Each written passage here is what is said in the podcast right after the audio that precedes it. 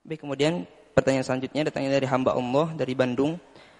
Assalamualaikum warahmatullahi wabarakatuh. Waalaikumsalam warahmatullahi wabarakatuh. Buya, bagaimana hukumnya muntahan bayi? Karena muntahan Apa? muntahan muntahan bayi.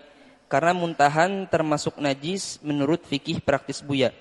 Sementara bayi tidak bisa kita hindari karena mulut bayi selalu basah dan bayi tidak bisa dikumur-kumur untuk membersihkan najisnya. Jadi mulutnya akan selalu najis. Mohon penjelasannya Buya. Baik. Menurut fik eh, muntahan adalah najis menurut fikih praktis Buya. Fikih praktis Buya itu juga ngambil dari ulama, bukan omongan saya itu ya. Jangan dianggap fikih praktis Buya ini pendapat Buya omongan Buya. Enggak ada Buya itu, enggak ada. Jadi begitulah ulama mengatakan memang muntahan adalah najis termasuk muntahan bayi atau muntahan kucing. Muntahan bayi lah. Bagaimana bayi suruh kumur? Kumur, kumur. Ini yang berarti yang menyuruh jadi bayi dia, gila dia. Bayi tidak bisa berkumur, akan tapi begitulah para ulama mengajarkan cara mencucikan najisnya mulut bayi yang bekas muntah cukup. Anda berikan mereka sesendok, dua sendok secukupnya air yang suci mensucikan.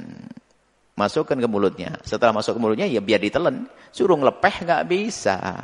Ya begitulah caranya para ulama. Jadi Anda minum maka jangan sampai dia minum kembali kepada susu Anda wahai para wanita sebelum mulutnya sudah Anda beri apa? air bersih, air suci dan mensucikan. Suruh minum air sendok, dan sendok sudah selesai. Baru setelah itu suci. Kalau ternyata muntah, habis muntah belum Anda sucikan, kemudian nyusu lagi, maka ketahuilah wilayah Anda itu najis ke baju najis. Ya, seperti itu. Mudah, nggak susah. Nggak harus kepalanya dibalik di bawah terus semprot pakai keran begitu ya.